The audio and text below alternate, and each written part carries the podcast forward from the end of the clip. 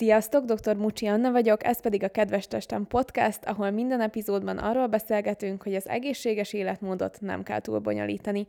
A mai vendégem Jámbor Eszter, a Testsuli oldalnak a vezetője, aki főként szexuális edukációról kommunikál a social média felületeken. Mivel a mai témánk is a szexualitás és a szexuális egészségtudatosság, ezért mindenképpen fel kell hívnom a figyelmet, hogy az epizód 18 éven aluliak számára nem ajánlott, illetve fog tartalmazni obszcénnak vagy trágárnak minősülő kifejezéseket. Köszönjük, hogyha velünk maradtok és minket hallgattok!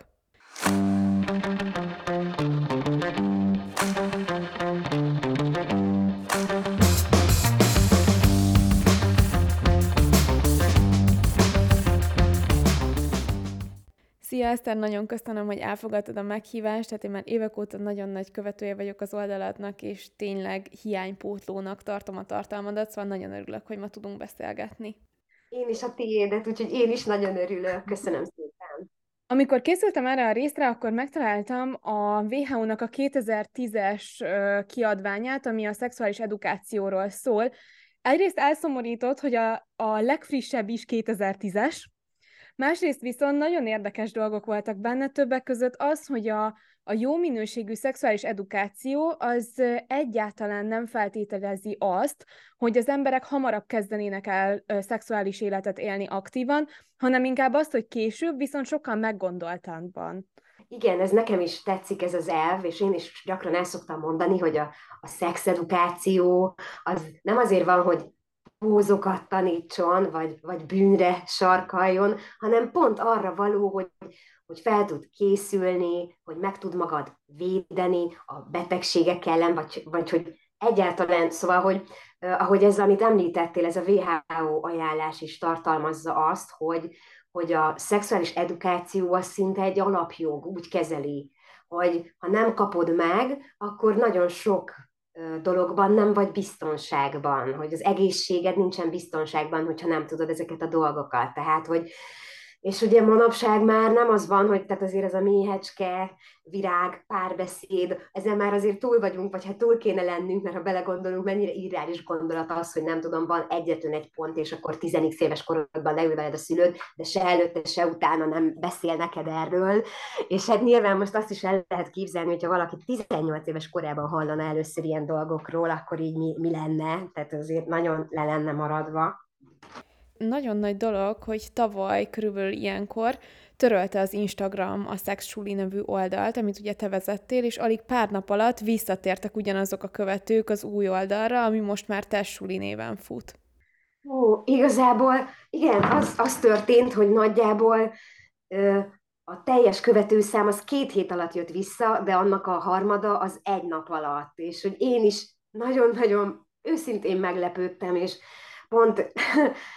akkor sírtam el magam először, nem amikor letiltották, hanem amikor így láttam a nap végére, hogy mennyi ember visszajött, és az, hogy mennyi ember segített. És igazából én még fel se ócsúttam az első ilyen cselekedni kell, meg csinálni kell, szóval, hogy még nem is kongatta meg a vészharangot, hogy Léci segítsetek, hanem annak ellenére megtalálták, és annak ellenére nagyon sokan segítene, segítettek, és hogy csak is, csak is annak köszönhetem, hogy ez a követőbázis ilyen, ilyen erős és ilyen kitartó, mert pont arra gondoltam, hogy fú, most így nagyon erősen mérlegre kerül a munkám, hogy, hogy most így van egy ilyen, ilyen visszajelzési lehetőség, hogy most ennek van értelme, vagy nincs értelme. Én nagyon gondoltam, hogy van értelme, csak aztán itt nyavajogtam is kicsit a pasimnak, hogy ez biztos csak nekem olyan fontos, hogy ez csak nekem a legfontosabb, és hogy, és hogy nem tudtam azt átadni, hogy ez mennyire fontos, hogy mindenki érezze, hogy ez mennyire fontos. És úgy tűnik, hogy sikerült. És ennek nagyon-nagyon örülök, úgyhogy mindenkinek köszönöm. Hát tényleg nagyon fontos, és egyébként a követőbázisod azt hány évesek közül tevődik ki? Vagy ki ennek a, szex, ki a szexedukációnak a célcsoportja, akikhez te szeretnél szólni? Egyébként őszintén megmondom, hogy én minden korosztályhoz szeretnék szólni. Tehát, hogy ugye az Instagramon lehet látni, ott a legfőbb bázis egyébként az a 25 és 35 közötti, de, de van egészen, tehát ez a 16-tól 50 pluszig is, és ugye a blogot is látom, ugye ott nem látok korcsoportot, azt is legalább tényleg ilyen 50-60 ezeren olvassák havonta, úgyhogy már nagyon régen írtam rá cikket, csak egy nyilván ezek a témák mindig aktuálisak, és ott például volt már olyan, hogy 70 éves embertől kaptam levelet. Tehát én azt gondolom, hogy egy kicsit úgy gondolkodunk a szexedukációról, hogy ez csak a fiataloknak való, de ha belegondolunk abba, hogy szerintem ez egy, egy, egy ilyen élethosszig tartó tanulás, hiszen, hiszen ha megtanultuk volna már gyerekkorunkba vagy iskoláskorunkba, tehát, hogy az, na, azt akartam mondani, hogy a lényeg az, hogy attól, hogyha valaki nem kap jó szexedukációt az iskolában vagy fiatalkorában, attól az a tudás egyszer csak nem tudom, 35 éves kora után nem fog így magától a fejébe szállni. Meg, meg ahogy az ember halad előre az életében, és különböző tapasztalatok érik, úgy, úgy pont úgy, ahogy, ahogy megtanul mondjuk egy, nem tudom, egy új nyelvet, bár ez lehet, hogy most rossz hasonlat, ezt éppen úgy lehet szerintem 40, 50, 60, 70 éves korodban is megtanulni, vagy, vagy, ki, vagy rájönni arra, hogy eddig tévhitek alapján szexeltél, és esetleg most van lehetőséged arra, akárhány évesen, hogy ezeket a tévhiteket leragd, amit szintén az edukációnak köszönhet. És ez a szexedukáció, ez hogyan jött a te életedbe? Mert te ugye újságíróként dolgoztál nagyon sokáig. Hogy indultál el e felé a téma felé? Igazából egyrészt a a, a személyes életem, tehát újságíróként dolgoztam, egészségügyi életmód témákkal foglalkoztam kiemeltebben, és én mondjuk tényleg 30 éves voltam először, amikor láttam a csikló teljes anatómiáját, és én azon nagyon felháborodtam, hogy ezt én miért nem láttam már iskolás koromban, és hogy egy csomó dolgot megúszhattam volna, hogyha ha ezzel tisztában vagyok, és nem gondoltam volna azt, hogyha nem tudom, hanyatfekve misszionárius pózban így nem megy, akkor az, az nem az én hibám, hanem ez anatómia, és, és hogy annyira, annyira tényleg ilyen, engem ez ilyen elemilyen érintett, hogy de hát ezzel miért nincsen foglalkozva, és totál így a barátaim, ismerőseim, rokonságomban is, a saját tapasztalataim is, illetve hogy újságíróként jöttek a levelek, csomó olyan dolog, hogy akár valaki leírt úgy egy házasságot 40-30 éven keresztül, hogy egy csomó dologgal nem volt tisztában, és hogy neki sosem volt jó a szex, de azért, mert olyan elvárásokat támasztott, ugye, amit így a társadalomtól kapunk, meg egy csomószor a mainstream médiában is úgy jelenik meg. Például amikor arra gondolok, hogy ha látsz egy, én mindig mérges leszek, ha látok egy olyan cikket, ami arról szól, hogy nem tudom, itt van a 15 féle orgazmus, és azt mind a 15 félét kell produkálnod a testet különböző részeiben, és hogy ezzel egy tök nagy nyomást raknak a nőkre, de egyébként sokszor a férfiakra is. És, és szóval, hogy egyszerűen úgy jött az életembe, hogy nagyon sok éve terveztem már ezt, amikor csak úgy jönnek a gondolatok, és egyszer csak rájössz, hogy jó, most akkor megcsinálom, és kész ezt a blogot, és lesz, ami lesz vele, és uh, egyébként uh, sokan mondták, hogy hát ez egy olyan tabu téma, hogy ezzel ne is próbálkozzak, mert úgyse fog senki kommentelni, meg semmi nem fog történni, és mondtam, hogy nem baj, attól még csak elkezdem ezt a blogot írni, és ahogy teltek, múltak az évek, úgy, úgy lett egy nagyon nyitott olvasóközönség, én nagyon büszke vagyok az Insta követőimre, ugye igaz, hogy van YouTube csatorna, TikTok is, van a blog is, de igazából az Instán tudunk úgy igaziból közösen párbeszélni erről az egész dologról, úgy érzem. Jól. Ezt én is úgy érzem a platformok között, hogy nekem is Instán van ez a legszemélyesebb kontaktom a, a követőimmel, ahol tényleg írnak privát üzenetet, meg megosztanak olyan történeteket, amiket mondjuk TikTokon például soha se kapnék, vagy más platformon. Nekem, ami nagyon tetszik a te szexedukációdban, az az, hogy egyrészt hitelesek az információk, tehát nem arról van szó, hogy bárminek utána nézek az interneten, hanem tudom, hogy ez hiteles forrásból jön, másrészt pedig az, hogy nem csak arról van szó, hogy hogyan védekez, hogyan legyen biztonságos a szex, hanem arról is, hogy, hogy ennek élvezeti értéke is van, és ezt azért akartam kiemelni, mert egyetem alatt én az korábban voltam egészségnevelő, ami a, a szexedukációval foglalkozó része az orvostanulgató egyesületeknek, és én amíg három évig ott voltam, így egyszer próbáltam átvinni, hogy akkor a maszturbálásról legyen szó a, az edukációs részben, de nagyon hamar így el, elvágták a dolgot, hogy hát ezt nem, hogy erről nem beszélhetek a gimiseknek, mert ne legyen róla szó, és, és pedig kerestem is valami sorozatból egy tök jó videót hozzá, ahol erről beszélgetnek, és, és nem lehetett, mert, mert ez, ez már nem fért bele. Az belefért, hogy megbeszéljük, hogy hányféleképpen lehet védekezni, a menstruáció alatt mi történik, hogyan történik a fogantatás, ez az amaz, de amikor már, már mondjuk egy esemény utáni tablettáról lett volna szó, vagy, vagy a, a szexnek az élvezeti értékéről, vagy a maszturbálásról, ami egyébként egy nagyon fontos dolog, hogy ismerjük a saját testünket, azt már így elvágták, és az, az nem, nem volt olyan jó szerintem. Szóval én ezt nagyon szeretem, hogy erről is kommunikálsz. De jó, köszönöm szépen. Igazából arra törekszem, hogy, hogy valahogy ez a, ez a, ne, a nem vagy egyedül érzés átjöjjön a, a, az Instagramon, hogy amikor, meg hogy, meg hogy igen, amikor azt hiszed, hogy nem vagy normális, akkor is normális vagy, bár ugye erről mostanában többször beszélgettem, hogy akkor mi a normális, de, de talán igen, szóval ezt, ezt lenne jó elérni, hogy az kiderüljön, hogy igen, hogy a szexualitás az nem, nem csupán védekezés és nemi betegség és teherbeesés. Tehát, hogy így ennél sokkal több, és hogy ezért szeretek olyan témákat felvetni, ha, ami, amiben így az emberek rá, ránézhetnek saját magukra, és így kicsit felszabadulhatnak, és érezhetik azt, hogy, hogy úristen, ez mással is így van, ez más is kipróbálni, ez másnak is átfutott a, a fejében, másnak is pont ugye ilyen szorongása van, és igazából azt gondolom, hogy pont azt teszi nehézé ezt a témát, ezt az intim, tabu témát, hogy minél kevesebbet beszélünk róla, annál rosszabb lesz mindenkinek az egyén szintjén, és hogy igazából nem, nem a saját szexuális életemről szeretnék beszélni, hanem mindenkiért, mindenkiéről szeretnék beszélni, és igazából pont visszakanyarodva a szexedukációhoz, amiről korábban beszéltünk, hogy ott a méhecskék meg a virágok, hogy, hogy ezt szuperül fel lehetne oldani egy már pici kortól kezdődő testi-lelki edukációval, nyilván korcsoportnak megfelelően,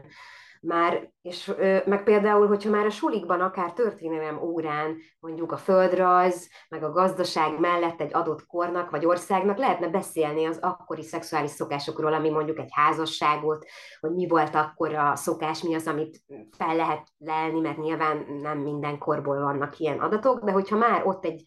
tehát, hogyha egy könnyedebben lehetne erről beszélni, ha sokkal több mindenki beszélne róla, akkor nem, nem lenne ez ilyen rossz, meg az is fontos lenne, hogy, hogy, hogy meg tudjuk nevezni magunk, magunkon a dolgokat, meg tudjuk nevezni a saját vágyainkat, amihez például a szexuális önismerethez a maszturbáció egy nagyon jó út.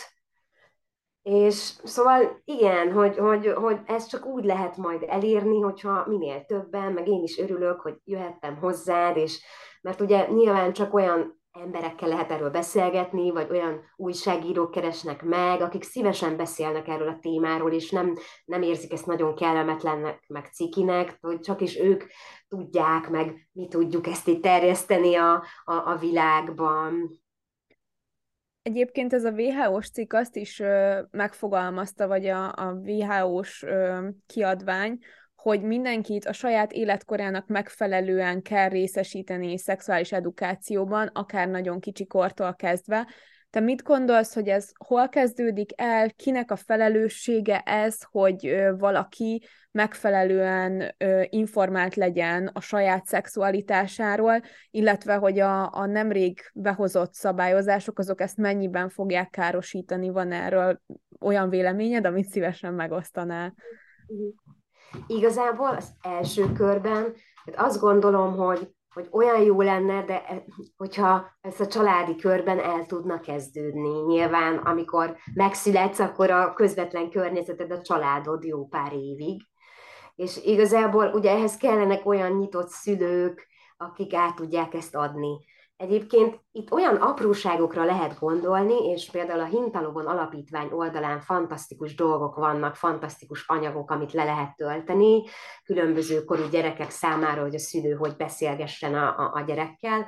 És igazából talán szerintem, ami nagyon fontos, hogy ha kérdez a gyerek, mert fog kérdezni dolgokat, akkor ott ne szégyenítse meg az ember, vagy ha esetleg azon kapja, hogy magához nyúl, hogy, hogy akkor is ne egy ilyen szégyen tegyen bele, meg ilyen tabukat, és ugye ez a legnehezebb, hiszen önmagunkat is figyelni kell. Például vannak a bugyi szabályok, és akkor azt már nagyon pici korban meg lehet tanítani a gyereknek, úgyhogy ne ijedjen meg, hogy ami a trikó és a bugyid alatt van, ahhoz mondjuk csak a doktor bácsi néni, vagy a szülő, vagy a szülő engedélyével a doktor bácsi érhet hozzá. Abszolút lehet ilyen dolgokról, a testi határokról, meg a lelki határokról beszélgetni, és hát nyilván szerintem szuper lenne, hogyha ezt a szülők és az intézmények, iskolák, óvodák együtt tudnák vállalni. Nehéz különbséget tenni, hogy melyik a fontosabb. Nyilván egyébként azért lenne jó az iskolai szexedukáció, de nevezhetjük lelki-testi edukációnak, hogy kiegyenlítse a viszonyokat, mert nem biztos, hogy mindenki olyan családba születik, ahol ilyen nevelést tud kapni. És az esélyegyenlőségek miatt szuper lenne, hogyha ez az iskolákba bekerülhetne ezért is kezdtem el így a szexedukációval foglalkozni még egyetem alatt, mert, mert fontosnak tartom, hogy erről beszéljünk. És ott például volt egy olyan ö, része az egész ö, előadásnak, amikor, amikor egy ö, fa péniszre felhúztunk egy óvszert. Hát ez is egy hatalmas botrányt váltott ott ki, hogy úristen, ezt miért kell megmutatni, de igen, ezt meg kell mutatni, ki kell próbálni, hogy tudják, hogy hogy működik, hogy nem jó, hogy jó, mert ezt, ezt tudni kell, hogy hogy kell használni. És és szerintem ez, ez fontos, hogy már korán elkezdjünk róla beszélni, hogy arról is, hogy, hogy hogyan tisztálkodjunk, hogy hogy néz ki, hogy milyen a, nem tudom, például a, a here önvizsgálatnál is nagyon fontos, hogy tudjuk, hogy milyen, ha változik, mert, mert ha nem tudod, milyen normál esetben, nem fogod tudni, milyen, ha változik. És ez mind-mind-mind ehhez hozzátartozik. Igen, igazából, és hogy ezért ugye milyen jó csomag az, nálunk is a családban könnyebben ment ez a párbeszéd, meg ez a mesztelenkedés egymás előtt, szóval, hogy ez így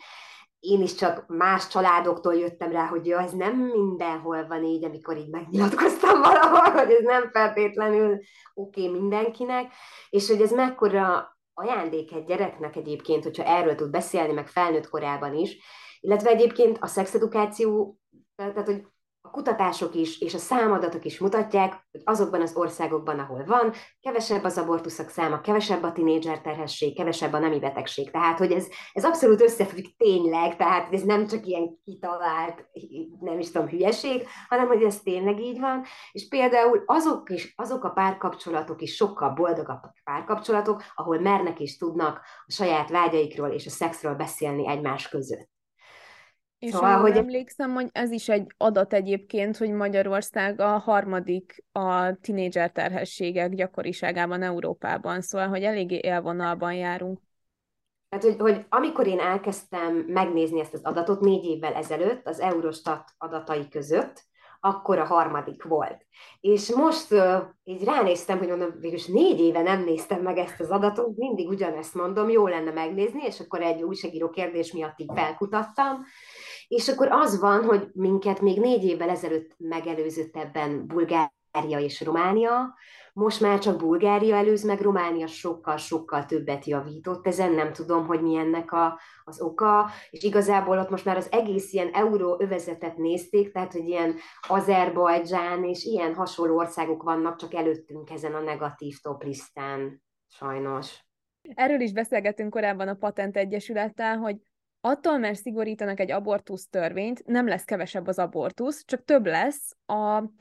a, az illegális abortuszok száma. Szóval, hogy ettől nem fog változni semmi. És, és az az igazság, én ennek ezért is csinálom én is a saját oldalmat, nagyon nagy hívő vagyok, hogy beszélni kell ezekről a dolgokról, mert attól, mert nem beszélünk valamiről, az, az ott van, és, és az úgy gyűlik a, a szőnyeg alatt, és egyszer csak majd nagyon púpos lesz, úgyhogy már szétszakad a szőnyeg, és nem tudsz mit csinálni. Szóval erről, ezekről muszáj beszélni és kommunikálni, mert, mert nem vagyunk előrébb, ha hallgatunk. Igen, szóval én is mindig csak ezt tudom ismételni újra és újra, hogy edukáció, edukáció, edukáció. Most már több szakemberrel közös együttműködésben csináltunk egy a szex jó dolog, gyakorlati útmutató a nemi betegség elkerülésére. Egy nagyon szerintem cuki kiadvány lett, majd, majd most már tényleg nem sokára láthatjátok is, és nagyon remélem, hogy ez sok emberhez eljut, majd elküldöm neked is, és abban konkrétan gyakorlati dolgok vannak. Ugye a nemi betegség az pont egy olyan kérdés, amiről senki nem szeret beszélni. Jobb lenne, ha nem lenne. A posztokon is látom, ha nemi betegségről van szó, sokkal kevesebben, sokkal kevesebb interakcióval rá, mert azért az ciki belájkolni is, holott, és akkor ebben lesz gyakorlati útmutató, konkrétan olyan, hogy hogyan mér le a farkat, hogy mekkora óvszerre van szükség, hogyan csinálj nyalókendőt, mi fog történni veled egy vizsgálat során, hogy tudsz eljutni államiba, magánba, mi fog ott veled történni, mi az a tisztasági papír, tehát hogy egy csomó direkt ilyen nagyon gyakorlati dolgot szerettem volna összeírni, és a dr. Tamási Béla volt a, szakmai lektor ennek az Na, egésznek. A vele nagyon, nagyon, nagyon kedvelem a Bélát, nagyon. Én is, és akkor ő, ő vállalta ennek az egész szakmai részét, és olyan boldog voltam, mert nagyon szerettem volna valami közöset vele, mert mindig az ő blogját ajánlom, és mindig, hogy, hogy, hogy őt kövessék, és TikTokon is, és nézzék, mert hogy egyértelmű, hogy erre óriási szükség van. Igazából most például, ez csak egy zárójel, hogy megkeresett nemrég egy tanárnő, csak még ebből se csináltam posztot, de majd fogok, csak most egy orvostan hallgató egyesülettel vettem fel a kapcsolatot, hogy küldik az óvszereket az iskolába, de nem adhatják oda a törvény befejezetlensége miatt, és fél, hogy akár egy szülő, tanár vagy diák feljelenti őt, ami pénzbüntetéssel jár, és ott vannak ezek az óvszerek becsomagolva, tök szuper, meg minden, és hogy odaadnál nekem, és hogy én továbbítsam valakinek, aki tényleg fel tudja használni, Szóval, hogy ezek csak ilyen apró dolgok, de hogy mennyire fontosak, mert hogy én nagyon sokszor kapok olyan levelet, és nekem igazából ezek az ilyen leg, leggyomorszorítóbb, ami általában az a szituáció, hogy, hogy a lányok nem mernek szólni, a nagyon fiatal lányok, a pasiaiknak, akik nem akarnak óvszert húzni, mert kényelmetlen, és a félelem, hogy majd elhagyja őt a pasi, vagy nem lesz pasia, ha ezt nem hajlandó vállalni, ezért inkább bevállalja, majd zokogva ír nekem, hogy vajon most ő terhes, vagy nem terhes. És hogy, és hogy ilyenkor nagyon-nagyon, nagyon-nagyon mérges vagyok nyilván erre az egész szituációra, hiszen ezt egy edukációval simán el lehetett volna kerülni, ha például elmondjuk százszor azt a fiúknak, hogy simán gyakorolt egyedül óvszerbe a farokverést, bocsánat, mert, mert hogyha majd ott először kerül rá sor, amikor fel kell húzni, nagy valószínűséggel le fog hát- konyulni, nagy valószínűséggel nem fogod szeretni az óvszert, de én meg azt gondolom, hogy felelőtlenség magad és a partnered iránt is ezt így megjátszani. Tök sok dolog ebből van. Én és erre mindig azt szoktam mondani, hogyha valaki arra nem képes, hogy óvszert húzzon, akkor nem lesz képes gondoskodni egy gyerekről sem. Szóval, hogy Igen. már itt ez egy probléma, egy red flag, aminél tehát ez, ez nem egy zsarolási alap, szóval, hogy ez a te saját tested feletti önrendelkezés, és ezt, ezt igen, de hogy annyi szorongás, meg önbizalomhiány, meg minden van, és a megfelelési kényszer, hogy inkább azt mondják sokszor, hogy na jó, akkor majd uaj, úgyis így kihúzom, és akkor néha kapok olyan levelet, hogy jaj, de hát nekünk is bevált, nem tudom hány évig a kihúzásos, hogy is hívják, ez megszakításos közösülés,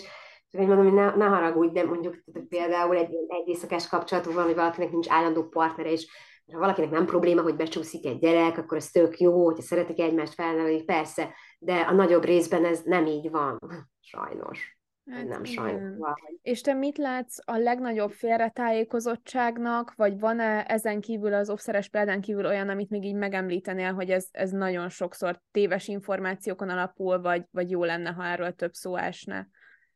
Igazából egyébként a nők orgazmusa, ami, ami, ami ugye, amit már említettem itt az elején, a csikló kérdés. Például egy pár hetes tudományos felfedezés 2022 kellett ahhoz, hogy végre először megszámolják a nők csiklójának idegvégződéseit, mert eddig, amit tudtunk, az a 8000, az ugye teheneken lett megszámolva.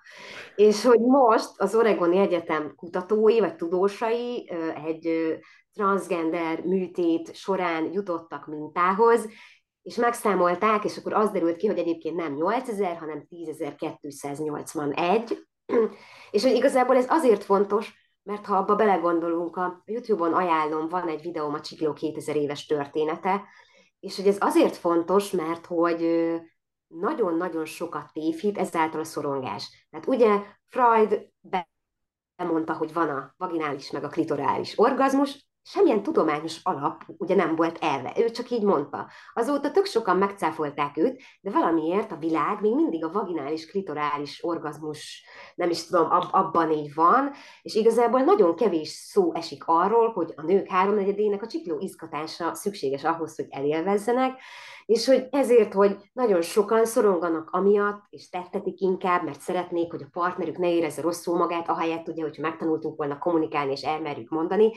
nem vettem senkire a követ, mert én is voltam ebben a cipőben természetesen, és hogy talán most azért is beszélek erről ilyen sokat, mert arra gondolok, hogy milyen jó lenne, hogyha egy csomó nőnek, meg férfinak nem kéne már azokat a lépcsőket, vagy azokat a rossz dolgokat átélni ilyen tévhitek miatt. Szóval, hogy nekem a, ilyen szempontból a csikló a másik mániám, mert az egy oltári nagy tévhit. És egyébként az a durva, hogy ezzel kapcsolatban kapom a legtöbb negatív kommentet férfiaktól. Nyilván, hogy tehát, ez... hogy olyanoktól kapod, akiknek amúgy nincs. Nem baj, én, én nem adom ezt fel, és ezt így, ezt így tényleg így, így mondani fogom, és, és, és pont egy, egy, egy 3D kis mini csiklót hordok a pénztárcámban, csak sajnos nemrég eltörött, hogy ezt így bármikor elő tudja venni, megmutatni. És így volt olyan, hogy egy ilyen ismerősöm ismerősével szerettem volna horgoltatni csiklót, és akkor így átküldtem neki, és ő egy tanárnő volt, és akkor így mondta, hogy figyelj, ez most tényleg így néz ki egy csikló, mert most az egész tanári kar itt áll, és így nézi ezt a képet, amit átküldtél a csikló anatómiájáról. Ha csak a horgolási minta miatt küldtem át. És, hogy, és hogy igazából,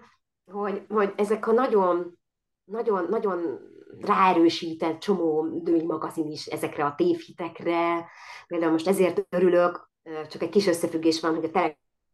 Netflixen kijött a BDSM-ről szóló film, mert hogy nagyon sok tévhitet tisztáz ezzel kapcsolatban, ami szerintem nagyon jó, és hogy levesz egy bélyeget. És hogy igazából mm, azért, meg hogy én annak örülök, hogy már egyre több az olyan sorozat, ami ezekkel a valóságokkal foglalkozik ott a Sex Education, vagy akár olyan dokusorozat, ami ezeket a tévhiteket tisztázza. Vannak most már nagyon szuper könyvek, mindig Emily Nagoskit mondom, az úgy, ahogy vagy könyvét. Tehát, hogy abszolút elérhető ez, csak hát ugye nagyon sok a, a hülyeség is, és nehéz kiválogatni, hogy, hogy mi a hülyeség és mi a jó. Meg szerintem alapvetően az, hogy ha már bemész egy bármilyen drogériába vagy gyógyszertárba, és te veszel magadnak akár síkosítót, akár ö, óvszert, akár esemény utáni tabletet vagy fogamzásgátót, akkor az legyen természetes, hogy te azt vásárolod. Például ugye 18 év alatt is simán lehet óvszert vásárolni, és vannak bizonyos boltok, ahol elkezdik a személyét elkérni hozzá. És, és azért ez egy nagyon nagy probléma a 18 éven alattiaknak, hogy, hogy főleg, hogyha mondjuk akár egy vidéki kisebb faluban él, mert hogyha bemegy óvszert venni, ha megmeri tenni, akkor majd azonnal a Marika néni elmondja az ő anyukájának, pedig az anyukájának annak kéne örülnie, hogy vett óvszert, és nem pedig óvszer nélkül csinálta, és hogy, tehát, hogy Szóval ez nagyon nagy tévhit, hogy 18 év alattiaknak nem adnak, pedig a törvény szerint egyébként bárhány éves korban vásárolhatsz óvszert, és ugye az is, én azt is nevetségesnek tartom, hogy, hogy 18 év alatt még síkosítót viszont nem vehetsz tényleg legálisan. Magyarországon például. Nem is tudtam. Tehát, hogy a, az van, hogy a szexuális segédeszköznek számít már. Nem tudom, hogy a törvény alkotója milyen a szexuális élete, úgy gondolja, hogy a sikosító az valami perverz dolog, ami megbíntja a világot, de hogy 18 év alatt vibrátor se vehetsz, az is helyes. Nagyon hát, érdekes. Na, vannak nagyon érdekes. De, de 12 éves korodtól szexelhetsz 18 év alattival legálisan, ez teljesen oké okay itthon. Tehát tök oké. Okay. Ez a, most, most volt kinn az arcon egy plakátunk, és pont ez volt a cím, hogy szexelhet, de nem tanulhat róla ha egyet kívánhatnál, vagy amit szeretnél, mi legyen a hatása a szexulinak, vagy a testulinak? Mi, mi az, amit így nagyon-nagyon szeretnél, hogy célt érj vele? Igazából már, már egyrészt, ha lehetek ilyen nagyképű, hogy már értem vele célt, mert hogy mindig kapok azért, azért tök jó leveleket, és tök jó visszajelzéseket. Én igazából azt szeretném, hogy nagyon-nagyon sok ember boldogan élhesse meg a szexualitását, biztonságban, és hogy minél kevesebb szorongása, és kishűtűsége, és önbizalom hiánya legyen a szexualitással, mert igazából a szex azért arra lett feltalálva, hogy jól érezzük magunkat, szóval, hogy annak egy jó dolognak kéne lenni az egész pakliával együtt ki hogyan szeretné élvezni, vagy akár nem, nem, nem csinálni, az is rendben legyen. Úgyhogy igazából én csak ilyen nagyon ilyen, ilyen hogy terjedjen az empátia, a nyitott, nyitottság, az elfogadás, szóval, hogy én ilyen nagyon idealista dolgokat tudok most mondani, de én szeretném, hogy legyen ez a hatása, és szeretném, hogy minél többen foglalkozzanak, minél jobban ezzel a kérdéssel. Én szeretném, hogy a mainstream médiumokban is nagyon sok ilyen cikk legyen, ami eloszlatja a tévhiteket, és szóval, hogy, hogy, hogy tényleg szeretném, hogy merjenek erről beszélni az emberek. Igen, ez nagyon fontos lenne, mert azzal, hogy tabusítjuk, attól az még lesz, és attól nem leszünk okosabbak, ha nem beszélünk róla. És szerint én Igen. nagyon hiszek a kérdezésben, meg a, abban, hogy ha kérdezünk és kíváncsiak vagyunk, akkor azzal csak többletinformációhoz jutunk, és én erre szeretnék mindenkit sarkalni, hogy egyrészt kövesse be a testsulit, és köszönöm szépen, hogy elfogadtad a meghívást, nagyon jól éreztem magam, és szuper volt téged hallgatni. Én köszönöm, hogy jöhettem, és olyan jól beszélgettünk, köszi Anna. Köszönjük, hogy ma is minket hallgattál, ez a Kedves Testem Podcast harmadik évada. Hogyha van valami észrevételed az epizóddal kapcsolatban, mindenképpen írd meg nekünk, és ne felejtsd el bekövetni Esztert a Testsuli felületén, illetve iratkozz fel a csatornára, hogy ne maradj le a legújabb tartalmakról. Kedves Testem Podcast, egészség, kívül, belül, körülötted. Sziasztok!